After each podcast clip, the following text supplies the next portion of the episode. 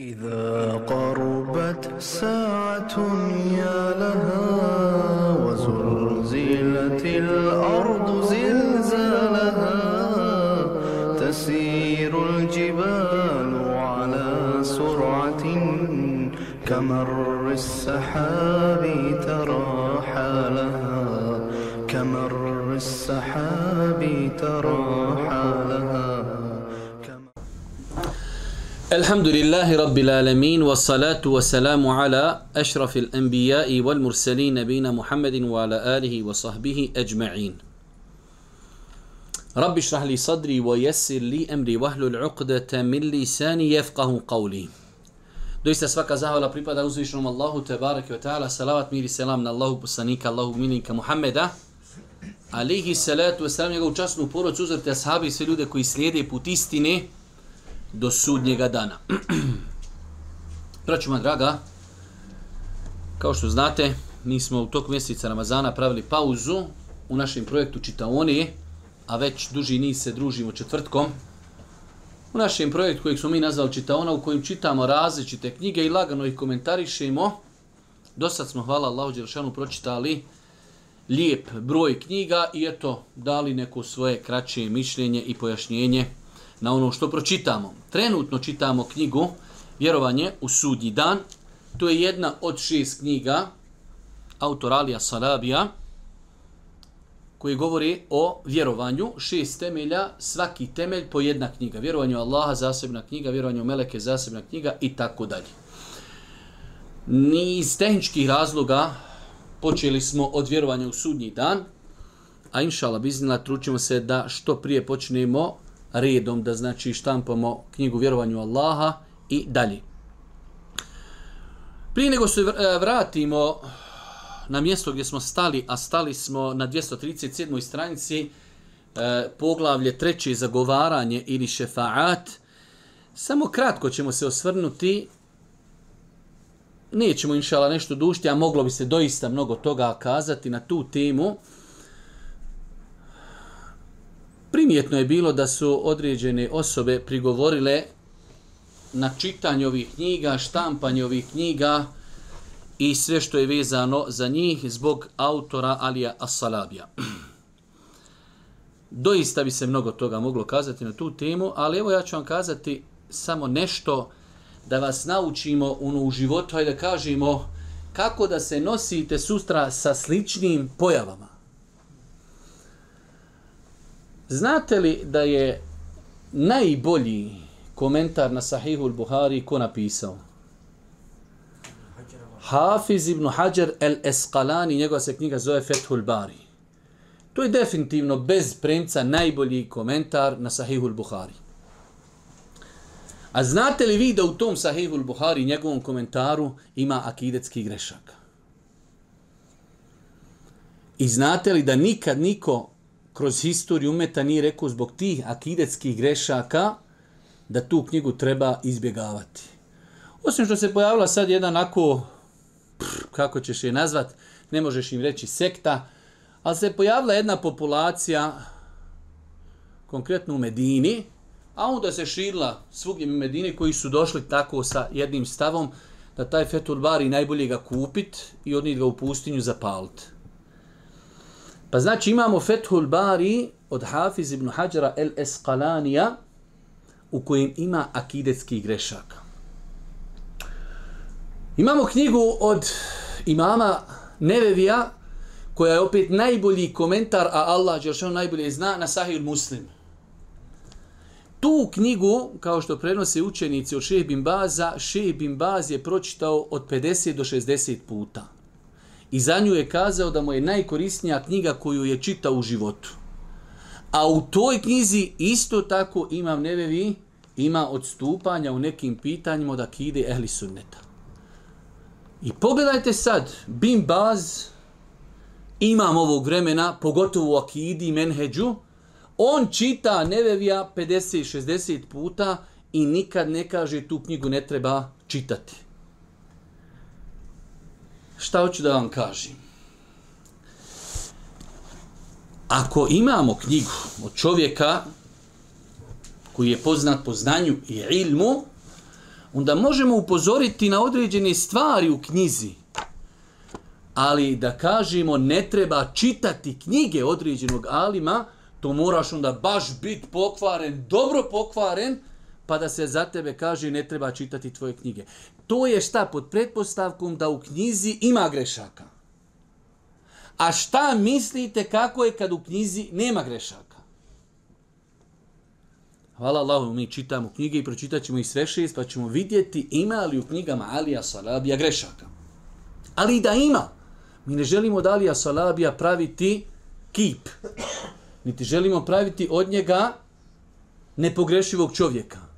Ali ko što je, Bin Baz zadužio učenike svoje, pročitajte mi Fethul Bari i gdje god ima greška u fusnoti stavite, oštampam u Fethul Bari i piše, evo ovdje Hafiz ibn Hajar napravio grešku i to je to. Ovdje u muslimovom komentaru, u nevevijom komentaru na muslim ima greška, ali knjiga ko knjiga je dobra. Pa je to menheđ današnjih naših velikih šehova, Usejmina, šeha Bimbaza i velikih drugih feuzana, da ako je u pitanju ličnost, naučna ličnost, ako i pogriješi nekada, nekada, nećemo zbog toga kazati ne treba te knjige čitati, već ćemo kazati na toj stranci ima stvar gdje je pogriješio i to je to. A, kažemo, stvar je još gora, ako nemamo, ako nemamo šta prigovoriti konkretno kada je u pitanju znanje. Nako je interesantno, Ali Salab je završio fakultet u Medini. Kada se u Bosni vodio rat, 1993. je završio. Gdje u Medini možeš naučiti neispravnu akidu? I gdje u Medini kod šehova medinski možeš naučiti neispravnu akidu?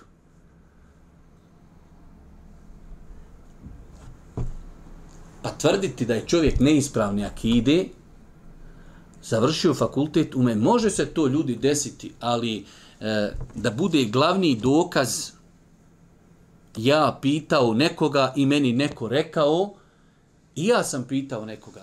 Allah najbolje zna i molim Allah Đelšan do Kabuli, ovaj projekat prevođenja knjiga je moj projekat, moja ideja. I Allaha molim i očekujem da će mi to biti najveći inšala projekata ahiretski kojih sam u životu radio. Ali prije što sam krenuo rad taj projekat, pitao sam ljude koji su izuzetno osjetljivi u akidi. Pa su mi rekli, nema nikakav problem, čovjek je alim, autoritet, njegove knjige su prihvaćene i tekako u Bosni nema smetnje, napisane su lijepim metodom, onako kako ljudi obične mase mogu razumjeti, u njima nema grešaka, mogu se prevoditi i mogu se, inša Allah, distribuirati u, u, u hajde kažemo, na našem podneblju. Isto tako čovjek, znači veoma je bitno, mi ne želimo da kažemo nema grešaka. Ali kada dođemo do greške, ukazat ćemo na nju. Čovjek pisao o najvećim usibetima savremenog doba, pisao o šijama i pisao o haridžijama. Najbolje knjige u današnje vrijeme koji su napisane o šijama i haridžijama su knjige Alija Salabija. Najbolje knjige koje afirmišu četiri halife jesu knjige Alija Salabija. Ama mi Allahu robujemo halife kroz ljubave Bubekra i Omera i Osmana i Ali. Pa nam je čovjek napisao afirmativne knjige u kojima smo naučili ko su bile te ličnosti.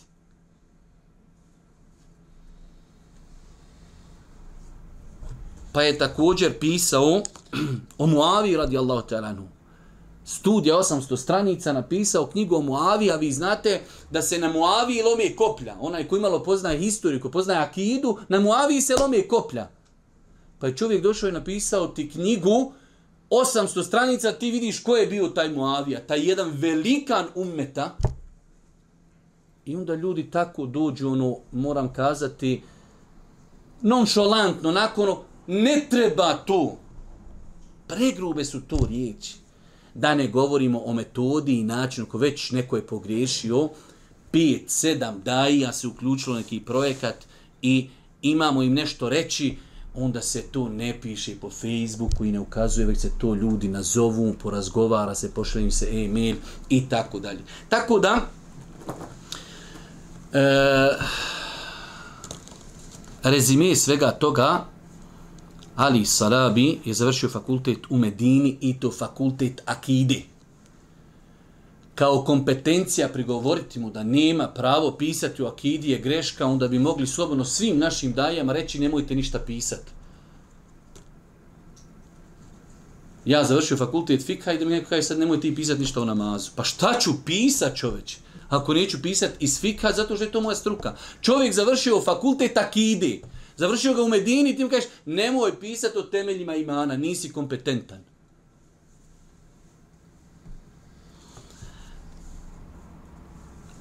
ako se desi da ima greška u knjizi, onda se na tu grešku ukaži, a ne da čovjeka prekrižimo uzduž i popriko. Ne mora značiti uopšte, niti želim da, da, da, da se dotičemo njegovog političkog angažmana. Knjige koje je pisao u Akidi je pisao prije 10, 15 ili više godina. Tako čovjek napisao ispravne knjige, možda ima sad određena neka politička viđenja i vizija. Vi pogledajte, pogotovo kad je u pitanju dole e, arapski svijet, danas se dvije države zavade, to gori. Sutra se vrate i sutra se voli. Danas si na nekoj crnoj listi, sutra si na bijeloj listi. Tako da to treba čovjek da bude pažljiv u pogledu toga. Čovjek ima neke svoje političke vizije, poglede, nemo mi sa tim ništa. Šest knjiga iz Akide, ima li u njima greške? Nema. Ako ima fus noti, prevodi od na tu grešku i idemo dalje. Danas, ako Bog da, na 237. stranici počinjemo jedno novo poglavlje nakon što smo govorili o mnogim stvarima koji se vezuju, hajde da kažemo, kao uvodna predavanja o sudnjem danu, govorimo o šefaatu, zauzimanje.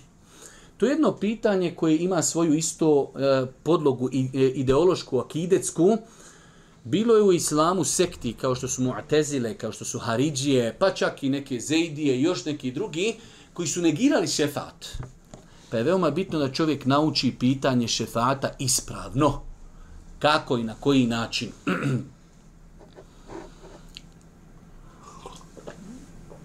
Kaže nam autor,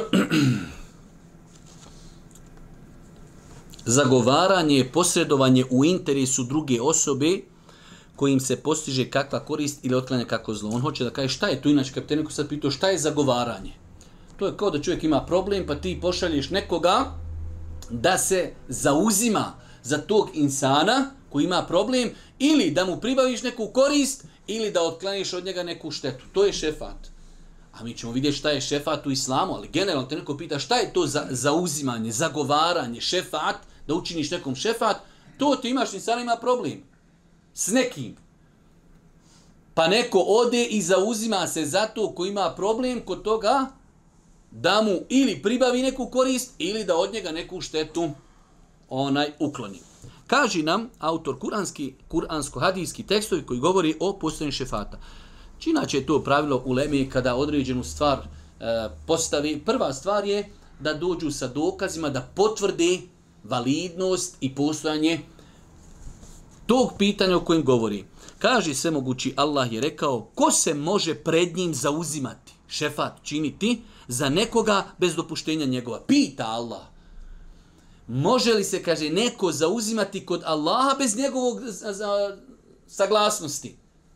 Ne može. Ali što znači, ako ima dni Allahovo zadovoljstvo i saglasnost, može biti šefat i samim tim potvrđujemo postanje šefati. U drugom ajetu kaže, niko se neće moći zauzimati ni za koga bez dopuštenja njegova.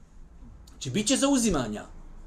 Ali se ne može niko zauzimati dok mu Allah to ne dozvoli, a poslije ćemo govoriti o uvjetima svega toga.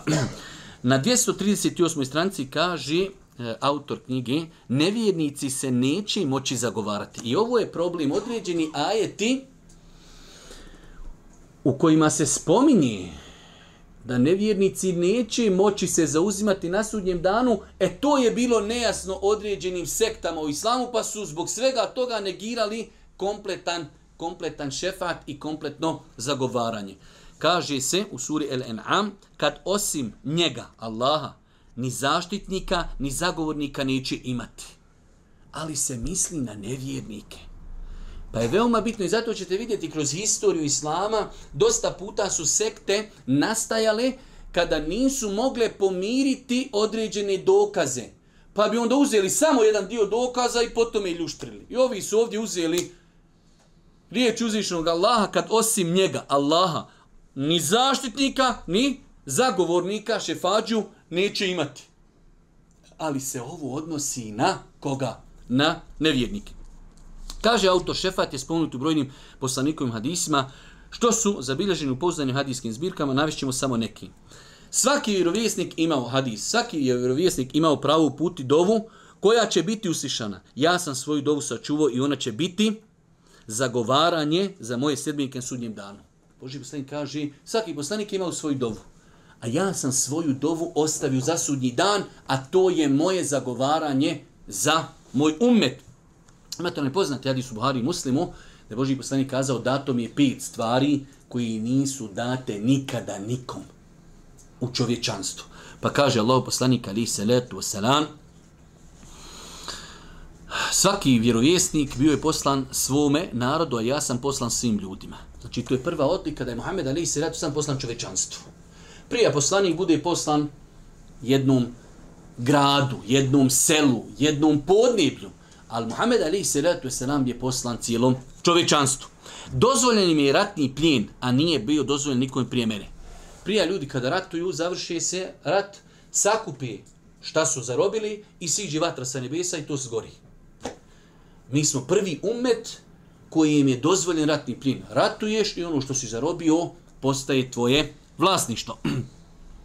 Cijela zemlja učina nam je čistom čistećom i mjesto za obavljanje namaza. Pa koji god čovjeka zatekne namaz, klanjaće ondje gdje ga i zadesi. Znači ovaj naš umet prije se samo namazi e, molitve obavljale na mjestima koja su izgrađena za molitvu. Dok ovaj naš umet, alhamdulillah, gdje god da ideš na Igmanu, na Treskavici, u Krajini, u Bosni, u avionu, u kamionu, na zemlji, pod zemljom, možeš klanjati na svakom mjestu koje je čisto. Podpomognutam strahom na razdaljnju od mjesec dana hoda. Znači, Boži poslanik kaže, on kao ličnost podpomognut je mjesec dana hoda unaprijed. Kad za njega čuju ide na mjesec dana unaprijed, tresu se. I kaže, dato mi je pravo na zauzimanje. Dato mu je pravo na zauzimanje određene stvari. Vidjet ćemo, znači, su specifično date samo Muhammedu, alihim salatu wasalam, Kategorije zagovaranje na ahiretu. Kaže nam autor na ahiretu će postati dvije, e, dvije vrste zagovaranja, punovažno i ništavno. Imamo zagovaranje validno, ispravno, punovažno i imamo zagovaranje koje je neispravno i nije prihvaćeno. punovažno zagovaranje jeste ono koje objedini tri sljedeća uvjeta. Da Allah istiniti bude zadovoljan zagovornikom. Znači da bi se neko za nekog zauzimao, imamo čovjeka koji ima problem, ima puno grijeha, treba se nekoga za njega zauzeti. Prva stvar mora Allah biti zadovoljan s ovim koji se hoće zauzimati. To je jedna stvar. Druga stvar, da Allah bude zadovoljan onima za koga se zauzima. Da Allah dopusti da se neko za njega zauzima, osim kada se radi o onom velikom šefatu, da počne sudnji dan. To je izuzetak gdje će Boži poslanik samo moliti, ja rab, nek počni. E sad tu ima i oni s kojima je Allah zadovoljan, s kojima nije zadovoljan. Ali je to taj veliki šefat samo da ljudima počne suđenje. I na kraju kaže da uzvišeni Allah dozvoli da je zadovoljan sa onim koji se zauzima za onoga koga zauzima i da Allah dozvoli taj šefaat. Ništavno zagovanje jeste ono koje se odnosi na zagovaranje kipova za svoje obožavauce. Jer mušici tog vremena su govorili, kaže, ovi naši kipovi, ha ula i šufa'auna inda Allah, oni će se za nas zauzimati na sudnjem danu. E, to je ništa, nema, ni to uzmiješ, Šamar udari škipu i on jadnik ide li stoji kip, kip. On niti može kakve koristi, pribavati, ni štete, niti se može za tebe zauzimati. Čak su Arapi imali verziju naprave kip od hrani. Poslije izgladne, šta ćemo? Pa daj, njega ćemo srokat, pa pravit ćemo poslije opet drugog. Kad bude opet hurmi, ali sad nema gladni, lagano ćemo mi njega odraditi, pa ćemo se poslije praviti opet drugog. Pa kaže Allah Đelešanu, govoreći o mušicima da su govorili haula haula i šufa'una inda Allah. To su nasi, naše šefađije kod Allaha i to je ništavan šefat. Na drugom mjestu Allah Žešanu kaže فَمَا تَنْفَعُهُمْ شَفَاعَةُ الشَّافِعِينَ Nima posredovanje posrednika i šefađa neće biti od koristi. Nema, znači jednostavno Allah Žešanu neće dozvoliti, neće dopustiti, umru se na nevir, umru se u kufru i ništa znači nema od tog zauzimanja. Sad nam nakon toga autor malo i detaljiše ova tri uvjeta, pa kaže e, uvjeti zagovaranja. Tri su uvjeta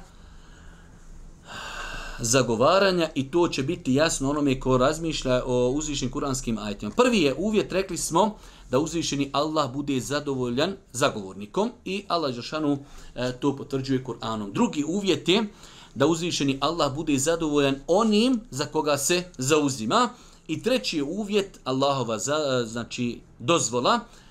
Dokaz za to su riječi u ajetul kursiju, gdje Allah Đeršanu kaže Allah je nema Boga osim njega, živi vječni, ne obuzima ga ni drijemež ni san.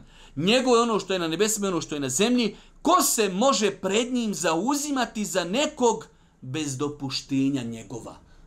Pita, ko to može? Da dođeš na sve i kaj, gospodaru, evo ja bi se zauzio za ovog ko može, ne može niko, jer je Allah Đelešanuhu, znači svemogući, El Melik, vladar, silni, moćni, bez čije dozvole i saglasnosti se niko neće moći zauzimati za nekoga. Nakon toga nam je autor ovdje citirao onaj poznati hadis, kaže kako se prenosi od Enesa, i ljudi će mi doći pa zatrašiti dopuštenje od Allaha da se zagovaram. Oni će mi, uh, on će mi dopustiti kad ga ugledam, pašću mu na seždu, da će da, da na seždi ostanem jedno vrijeme, pa će reći Muhammede, podigni glavu i reci tvoje će riječi biti prihvaćene i tako dalje. Ona je jedan poznati hadis, rodosan hadis, Uh, u kojim spominja Allah poslanik Ali se letu veselam kako će doći do šefaata tog velikog uh, gdje će ljudi ići od poslanika, tražiti, dok će, svi će reći, idite, pitajte Muhammeda, i onda će Muhammed a.s. zagovarati i zauzimati se za umet da počne polaganje računa.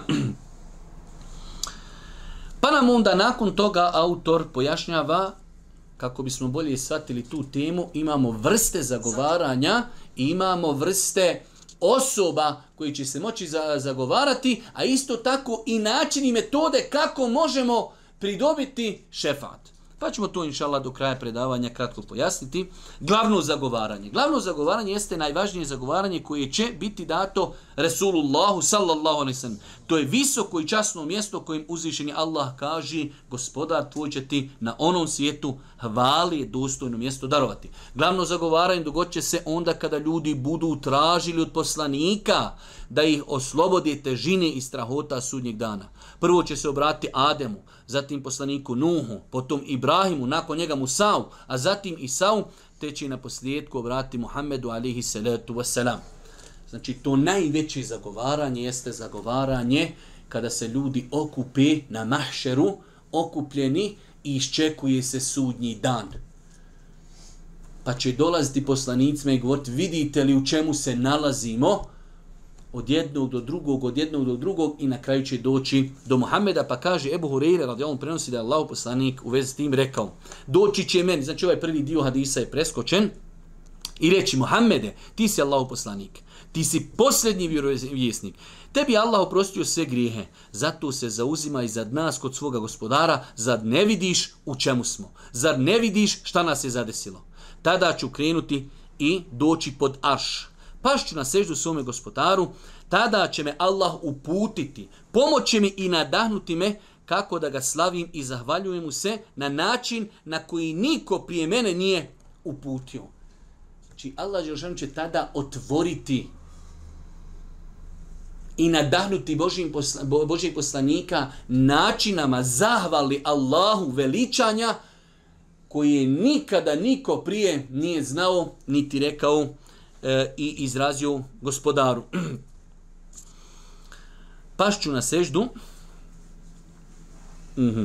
Reći će mi se, Muhammede, podigni glavu, traži, tvoja će molba biti udovoljena. Zauzimaj se, tvoje će zauzimanje se uvažiti, podimću glavu i kazati gospodaru, moj umet, moj umet i tako dalje. Znači ovo je ovo je jedan od dokaza koji ukazuje da je Muhammed alejhi salatu vesselam posebno odabran za ovu vrstu šefaata, za uzimanje zagovaranja da Allah dželešanu počne sa obračunom, obračunom ljudskih dijela. Zato autor ovdje i kaže, na ovo zagovaranje pravo će imati samo naš poslanik. Također, e, navodi nam autor traženje da se otvori dženecka vrata. Jedino će Muhammed Ali Seletu Veselam imati mogućnost i dozvolu da zamoli da se otvori dženecka vrata. Zato će mu kada pokuca i zatraži, Melek će ga upitati ko si ti, pa će reći Muhammed. Kaže, naređeno mi da ne smijem otvoriti nikom i prije tebe pa će Muhammed alihi salatu wasalam od počasti Allaha prema njemu jeste i to što ga je počastio da se džennet prije njega neće nikom otvoriti i da je melekima zabranjeno da otvori bilo komi prije Božih poslanika alihi salatu wasalam. Kaže ovdje autor, valja znati to da će umet Allahog poslanika biti prva zajednica koja će stupiti u džennet. Mi jesmo historijski zadnji, ali kad se bude ulazilo u džennet, ako Bog da, umet Muhammed alihi salatu wasalam, će biti prvi. Nakon toga kaže zauzimanje da neke dženetlije dobiju više razine. Jedan od načina zauzimanja jeste čovjek je u džennetu. Ali Allahov poslanik ali se letu veselam će dobiti za takve ljude i zauzimati se da im Allah Đelešanu poveća stepene. I to je, i to je vid, i to je vid e, šefata koji je potvrđen različitim vjerodostojnim pot, predajama. Zauzimanje da nekim nevjernicima kazna bude umanjena. I ovaj šefaat je specifičan sam za poslanika, a s druge strane šta nam ovaj šefaat govori? Govori nam da je tačna i ispravna činjenica da se ljudi na Dunjalku dijeli u dvije kategorije, vjernici i nevjernici. Osoba koja umri kao nevjernik ostaće vječno u džehennemu sa izuzetkom neki osoba, jedna od njih, Amidža Božeg poslanika, da mu se umanji džehennemska patnja, ne da iziđe, ne. I to je izuzetak zbog onoga što je trpio i pomagao Božeg poslanika, ali se letu veselam, ali nije prihvatio islam, pa kao izuzetak. I ovo su temelji. I nekada vidite ljude koji možda žive tu 50-60 godina na našim podnebljima, svi smo mi ispravno, sve ovo tačno, svi idemo jednom Bogu i tako. To su, to su katastrofalne izjave. Mi ne želimo nikog da vrijeđamo. Svako ima pravo hoće li vjerovati ili neće vjerovati. Ali ovo su temeljni postulati koji se moraju pojasniti. Pa čak i javno nevjernicima kazati da ne mogu sutra na sudnjem danu kazati Ja rab, A nismo mi to znali. Jesi znao, pezi, cjedio, okino uši pričajući da će nevjernici u džehennem. To što ti nisi vjerovao, to što ti nisi slušao, to je druga stvar. Pa jedna vrsta šefata da će Allah poslanik za određene osobe nevjernike koji su umrli u nevjerstvu moliti Allaha da im umanji kaznu. Ne da izađu iz džehennema. Pa kaže se, Allahu poslaniće, hoće li Ebu Talibu biti od koristi što te štitio i radi tvoga se hatara srdio? Štitio poslanika i to dobro ga štitio, dobro pomagao. Pa kaže Allahu poslanik Arisa, da, to će mu biti od koristi, bit će u pličaku džehennemske vatre, a da mene nije, bio bi na samom dnu džehennema. Imaju znači druge predaje u kojima se kaže da će to biti najblaža kazna u džehennemu, da će biti ili na dvije žeravice, ili da će biti u obući od vatri od koje će um ključat mozak. Pa čak u nekim predajama je došlo, on će misliti da je to najteža kazna. Ali mu je razlogom i vrijednosti i dobrotom Božijeg poslanika umanjena na takav nivou. Pa kaže autor, dakle, ovim zagovaranjem postiće se da onaj za koga se bude zagovaralo dobije manju kaznu, a ne to da izađe iz džehennema, makar se radilo i o Ebu Talibu.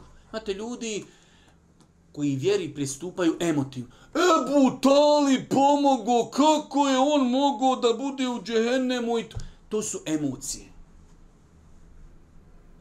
Da ne vam ne spomnim sad ove savremena dešavanja kad ljudi reagiraju u emocijama kad god se reagira, reagira se shodno šerijatskom znanju, bez obzira šta da se desi. Ako poslanik Ali Seratu Esalam kaže, Amidža, reci riječi la ilaha illallah, zbog koji ću se zauzimati na svim danu za tebe, i on umre, nije to izgovorio, i on kaže, bit će u dženome da mi dojemo kao podemo, kako će biti? Kao ja pametniji od poslanika, ja pametniji od gospodara pa se uvjeri stvari ne gledaju emotivno. Već se stvari gledaju kroz dokaze. Čovjek koji će u vatri imati najblažu kaznu, baš kako se kaže u poslaniku Hadisa, koji prenosi Ibnu Abbas, najblažu će kaznu dženevu imati Ebu Talib, imat će nanule od vatri od kojih će ključati njegov mozak. Nakon toga zagovaranje za velike griješnike muslimane. I to je taj naj, najkritičniji šefaat, gdje Haridžije i, i, i Mu'tezile to nisu mogli nikako eh, progutat. Iako o tome hadisi u Buhari i u Muslimu, ali su oni sebi postavili pravila, veliki griješnik ide u vatru, nikad iz nje neće izići. I završena stvar. Pa hadis, pa vjerodostojan, pa Buhari, ne, ne, ne. Veliki griješnik u džehennem, čafir, neće nikad iz njega izaći. Kaže Rasulullah sallallahu alaihi wasallam zauzima će se za velike griješnike iz svog ummeta koji su bačeni u džehennemsku vatru pa će iz nje biti izvedeni. U pogledu ove vrste zagovana postoje mutevatir hadisi. Pazite, mutevatir hadisi. Znate što znači mutevatir hadis? U ovoj vrsti šefata postoje mutevatir, mutevatir hadisi predanja koja iz svake generacije prenosi toliki broj prenosilaca da je praktično nemoguće da se dogovore i to slažu. Osim vjerovjesnika, pravo na ovo zagovaranje imaće i meleki i drugi vjerovjesnici kao i vjernici. Žao mi je što ovdje autor nije citirao one hadise, pa sam ja nakon malo nekih rivajta e, sklopio. Kaže, znači, pravo će imati na, na šefat za muslimane koji su umrli sa velikim grijesima i njihovi grijesi su prevagnuli dobra djela, za njih će se zauzimati i drugi poslanici, i meleki, i šehidi, i vjernici.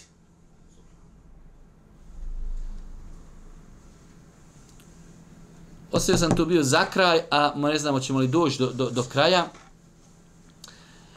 Kaže, došlo je vjerodosno na disme da Allah poslanik Ali se leto kada je govorio o šefatu, kaže, kada se skupina vjernika spasi, pa će se obratiti gospodaru i kaza će Rabbena, Ihvanuna, gdje su naša braća? S nama su, kaže, klanjali, s nama su postili, s nama su došli u rivatu, išli na hađ, a došli u rivatu, s nama su išli u džihad. Nema ih, u vatri. Ko? Ihvanuna, nisu ovo poslanici, nisu ovo, ne, ne, braća, ljudi, obični. Pa će im reći, Allah, pa će im reći uzvišnji Allah, idite iz džehennema, izvate svako koga znate po tom opisu. Pa će otić i izvadit će i kaže, ja rab, sve one koje smo znali da su takvi bili, ovo je zato i mnogo bitno šta si na Dunjaluku. I ako zaglaviš da neko za tebe pita, ali ako budeš u birtiji, Sam za te mogu birtijaši pitat, on će pitat, pa nema ga u džehennemu, kako li se on spasio? Zavjernika će neko pitat, ihlanuna, rabbena, džesu. Pa će kazat uzvišeni Allah s.w.t. nakon toga, idite i izvadite iz džehennema ko u srcu ima koliko je dinar dobra pa će otići, kaže, pa će izvat bruku, veliku masu ljudi. Pa će reći opet gospodar, idite, izvadite iz džehennema onoga ko ima ko pola dinara dobrih dijela. Pa će opet otići, izvadit će veliku masu ljudi, pa će treći put kazati, uzvišnji Allah subhanahu wa ta'ala, idite, izvedite iz džehennema ko ima trunku, trunku dobra. A vamo u hadisu Božijeg poslanika je došlo da je Božiji poslanik kada se zauzima u tri puta, četiri put, će reći, ja rab, daj da izvedem koji je rekao la ilaha illa, kaže, e to ti ne možeš. Pa će uzvišeni Allah svojom milošću dati da iziđe iz džehennema svako koji je rekao la ilaha illa Allah. I mi nismo ni svjesni Šta nam znači ovi ezani što nam svaki dan viču la ilaha illallah. Što mi kad se naučimo, kad se rodimo, ljuljamo djecu u bešviću la ilaha illallah i tako dalje. To su najskuplije riječi zbog koji će ljudi biti izvedeni iz djehennema. Svakako, spoznajom koji su kazali, znali šta znači, a naročito ako su živjeli po tomi. Pa ovdje kaže autor, znači, e, zauzimat će se za velike griješnike poslanici i meleki i šehidi i vjernici, braća između se ljudi će se zauzimati. Pa kaži, ovo će zagovaranje Allahu poslanika Alisa izvesti četiri puta. Da znači, će Allahu poslanik ići kod gospodara Allahu subhanahu wa ta'ala pa će mu kazati prvi put, kaži, idi izvedi iz vatre ko ima koliko zrno pšenice ili ječma imana. Pa će otići, pa će izvest. Pa kada se vrati, pa će se ponovo zauzimati, kaže nakon toga, idi, izvedi ko ima imana koliko je zrno gorušici. Još manji.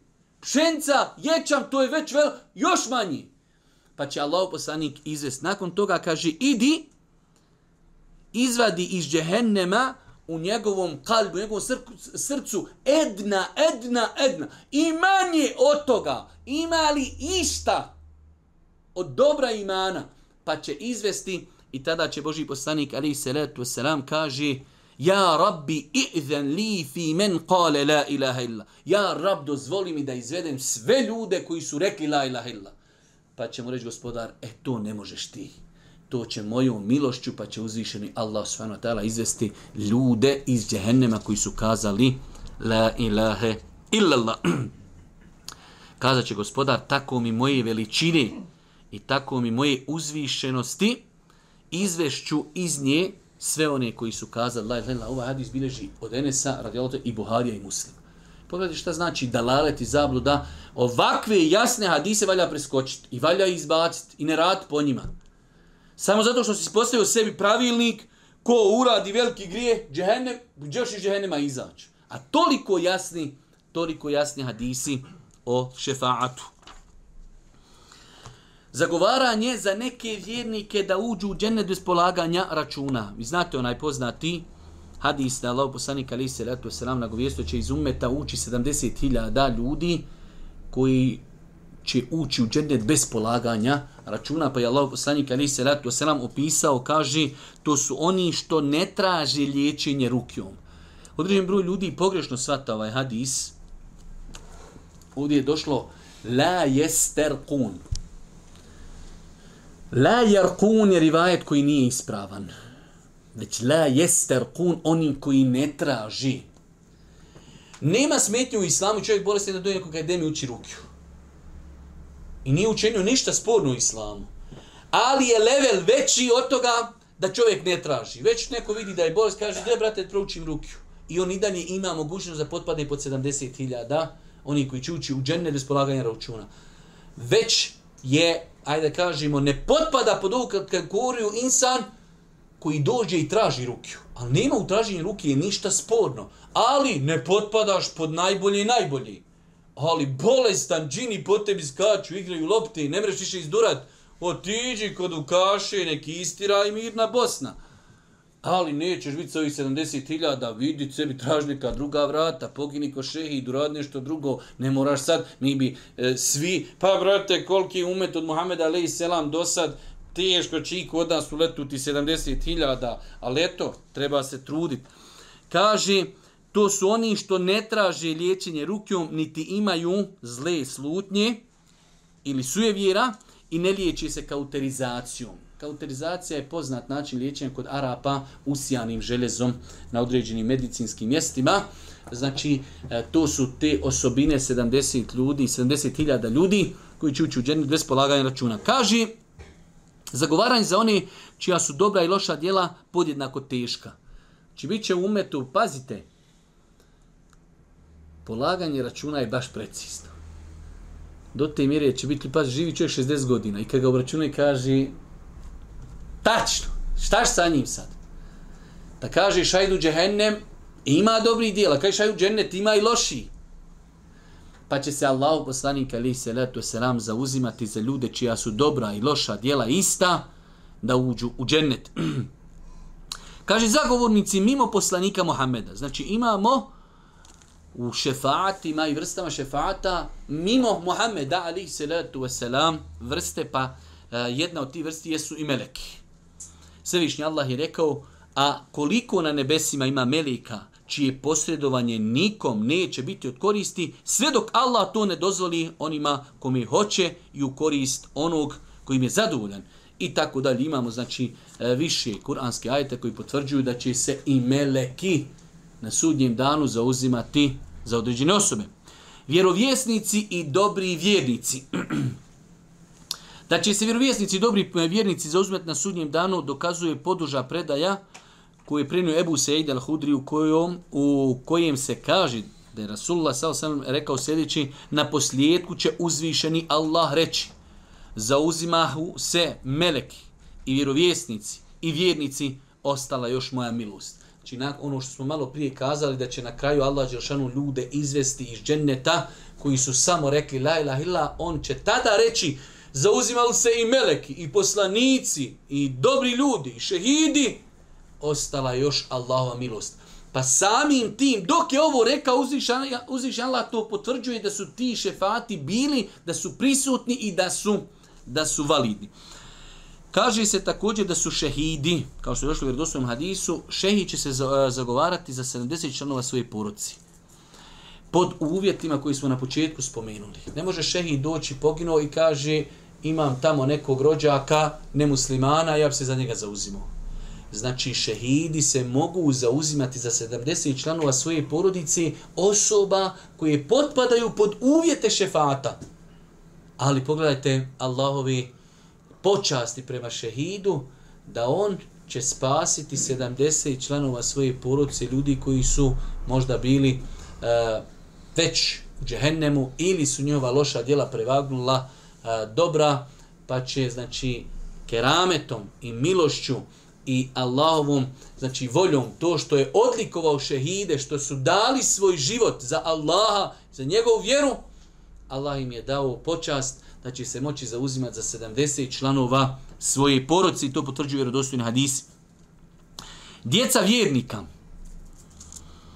Volio sam da je autor ovdje spomenuo neke druge hadise, e, iako su ovo hadisi općenti u kojima stoji da ko, ko, kao što je došlo, kaže Allah će svoje milosti i dobrote uvesti u džennet svakog muslimana kome umri troje maloletne djeci. Dobro, Allah će to uvesti, ali nema ovdje zagovaranje imaju drugi rivajet vjerodostojni, kaže, reći će se djeci koja su umrla maloljetna, udhulul dženne, uđite u džennet. Pa će oni reći gospodaru, kaže, hatta jedhule abauna. Ne, nećemo dok ne uđu s nama naši roditelji. Pa će Allah Žešanu reći, udhulu el džennete entum wa abaukum, uđite u džennet i vi i vaši roditelji. Pa će djeca biti e, zagovarači, šefađi svojim roditeljima, djeca koja su umrla maloljetna. I zato insan vjernik, iako ga Allah iskuša, čak je došlo i u drugim rivajetima i dvoje djeci.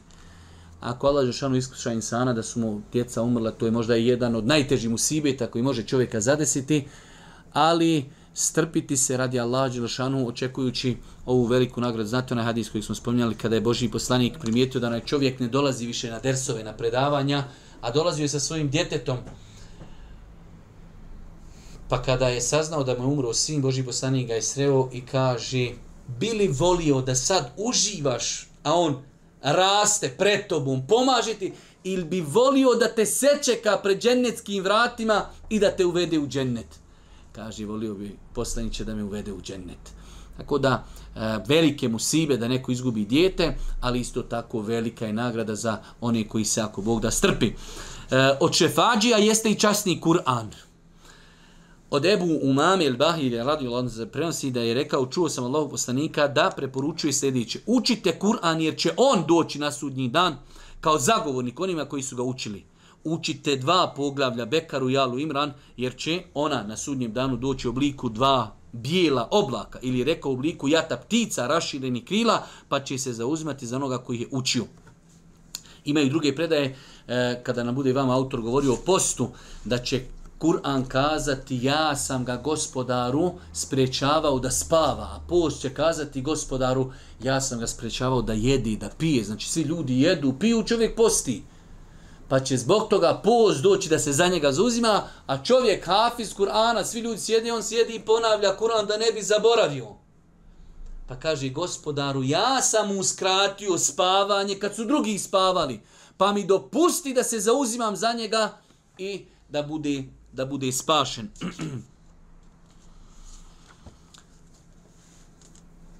Kaže pomoću čega vjernik može zaslužiti e, šefaat, evo samo nekoliko stvari, time ćemo ako Bog da i završiti predavanje. Ispovjedanje teuhida i iskreno robovanje gospodaru. To je definitivno najveća stvar da čovjek bude od monoteista, da bude vjernik, da ispravno vjeruju Allaha te barakatala. I to je ono, to smo rekli da je, razlika vjernici nevjernici. Na to je došlo tamo hadisma korekni la ilaha illa Allah iskreno. Ko bude vjernik, ko ne bude licemjer, ko ne bude nevjernik, licemjeri i nevjernici, pravi licemjeri, znači ne oni u dijelima, već oni koji imaju i'tiqad i ubjeđenje licemjera, oni će vječno u džehennem. U predanju se kaže da je neko upitao poslanika – koji je najzaslužniji da se ti za njega zagovaraš na sudnjem danu? Na što je odgovorio, najzaslužniji za moje zagovaranje na sudnjem danu jest onaj koji je iskreno iz srca rekao La ilahe illallah. Iz srca rekao, vjerovao, živio po tome. Tako da je, bez obzira šta insan u životu prodeveru, od siromaštva, od bijede, od iskušenja, od bolešćuga, njegova najveća blagodat, najveći, najveći kapital jeste vjera. Najveći kapital jeste riječi la ilaha illallah. Post. Abdullah ibn Omar radijallahu ta'ala prenosi da je Allah poslanik rekao post i Kur'an zauzimat će se za čovjeka na sudnjem danu. Post će reći gospodaru zbog mene se susteza od rani i udovoljavanje tjelesnim užicima danju. Pa mi dopusti da se zauzim za njega. A Kur'an će kazati gospodaru zbog mene se susteza od spavanja noću. Pa mi dopusti da se zauzim pa će se zauzimati za svoga sahibiju i Kur'an i post. Učenje, predviđenje i dove nakon ezana, ona poznata dova, Boži poslanik je rekao, ko bude učio tu dovu, imaće šefaat Božijeg poslanika na sudnjem domu, ona poznata dova posle ezana, Allahumma rabbe hadhi davati tame, wasalati l'qaime, ati Muhammeden el wasilate wal fadile, wab'athu maqamen mahmuden illazi wa'atteh, a u rivajetu inneke la tuhriful mijad.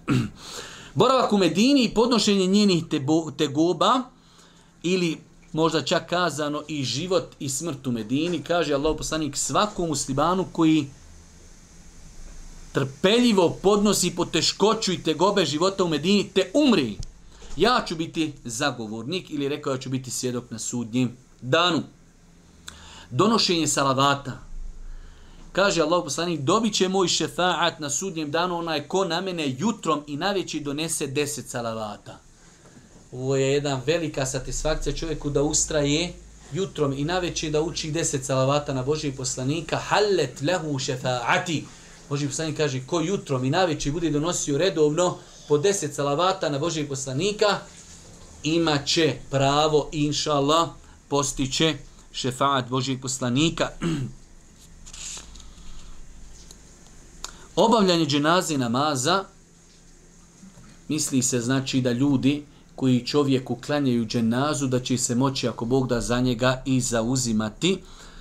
Za svakog umrlog kojim, klanja, e, kojim dženazu klanja skupina od stotin muslimana, zauzima, e, za, zauzimajući se za njega, oni će biti zagovornici. Allah će im dozvoliti, ako već ima sto ljudi koji su došli na dženazu, a u nekim rivajtima je došlo koji Allahu ne čine i šir, koji su pravi, vjernici, došli, sto ljudi došlo na dženazu i zauzimaju se za njega svojom dovom, moli Allah da mu oprosti, kaže Allah Žešanu će prihvatiti njihov šefat i njihovo zauzimanje. Čak je došlo u rivajetu, ako muslimanu dženazu klanja 40 ljudi koji Allahu nikoga ne smatraju ravnim, Allah će dati da oni za njega budu zagovornici. Znači prihvatit će njihove dove i njihove šefate.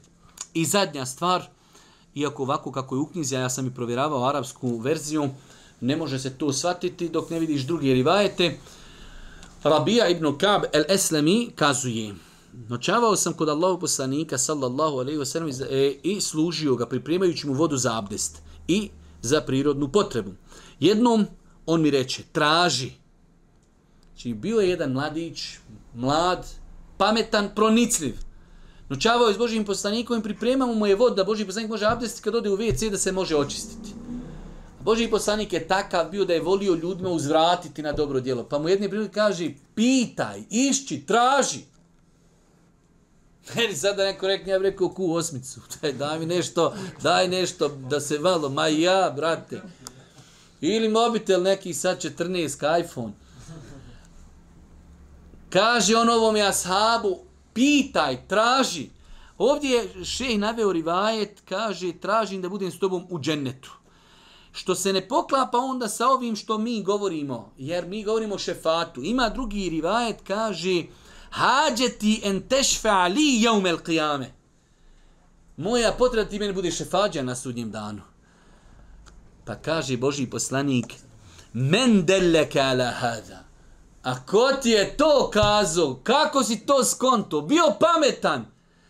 Kaže, rapi, moj gospodar, nadahnuo me da to reknem, da ne tražim ništa od unjali. Znam su ljudi doći, pa sam im kaže, Boži poslanik, postaj me za namjesnika, de ovo, de ono. Ne, ovaj je bio pametan. Kaže, hoću da si ti za mene zauzmaš. To meni, ako su ispuni, ostalo mi je sve manje bitno. Pa je Allah poslanik mu da kazao isti odgovor, onda mi u ostvarenju toga pomozi time što ćeš često Allahu padati na e, padati nič i padati na seđdu. Znači budi ono i koji redovno klanjaju na fila i tako dalje, jer sama seđda inače kao jedno pravilo da naučite večeras, znate ljudi sreo na vrijeme se to primijeti, ljudi uvode tu novotariju, čovjek nakon sjedi, sjedi, sjedi i nešto mu dođe ono ko padi na seđdu i dovi na seđdi. To je novotarija. Seđda i badet samo kad je u namazu. Ili seđda tilavet ili šukr seđda. Ali da čovjek sjedi, nakon i hoću da dovim kao insan je najbliži Allah, kad je seždi, padne seždu i dovi, to je novotarija. A to može tako biti malo od pobožnije, ono, znaš, on sad kao kontano, svi u džami sjedi, dovi ovako, idem ja biti neki najpametniji, idem ja na seždu. E to kad vidite, znajte da je neispravo, nemojte ga dirat, da vas ne bi slučajno udario, ali, ali je neispravno. Ali pa kaže Boži poslanik, pomozi mi mnoštvom seđdi.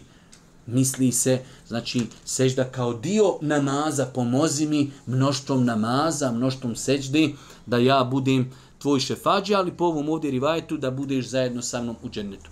Allah, Đelšanu, molimo da nam se smiluje, da nam oprosti grijehe, molim vas, Svanu Atala, da budemo od onih ljudi za koji će se zauzmati Allahu poslanik, alihi salatu wasalam. Subhanak Allahumma, da bihamdike, šedan ilaha ilaha istakfiruke, ve tubu, ilik. Amin.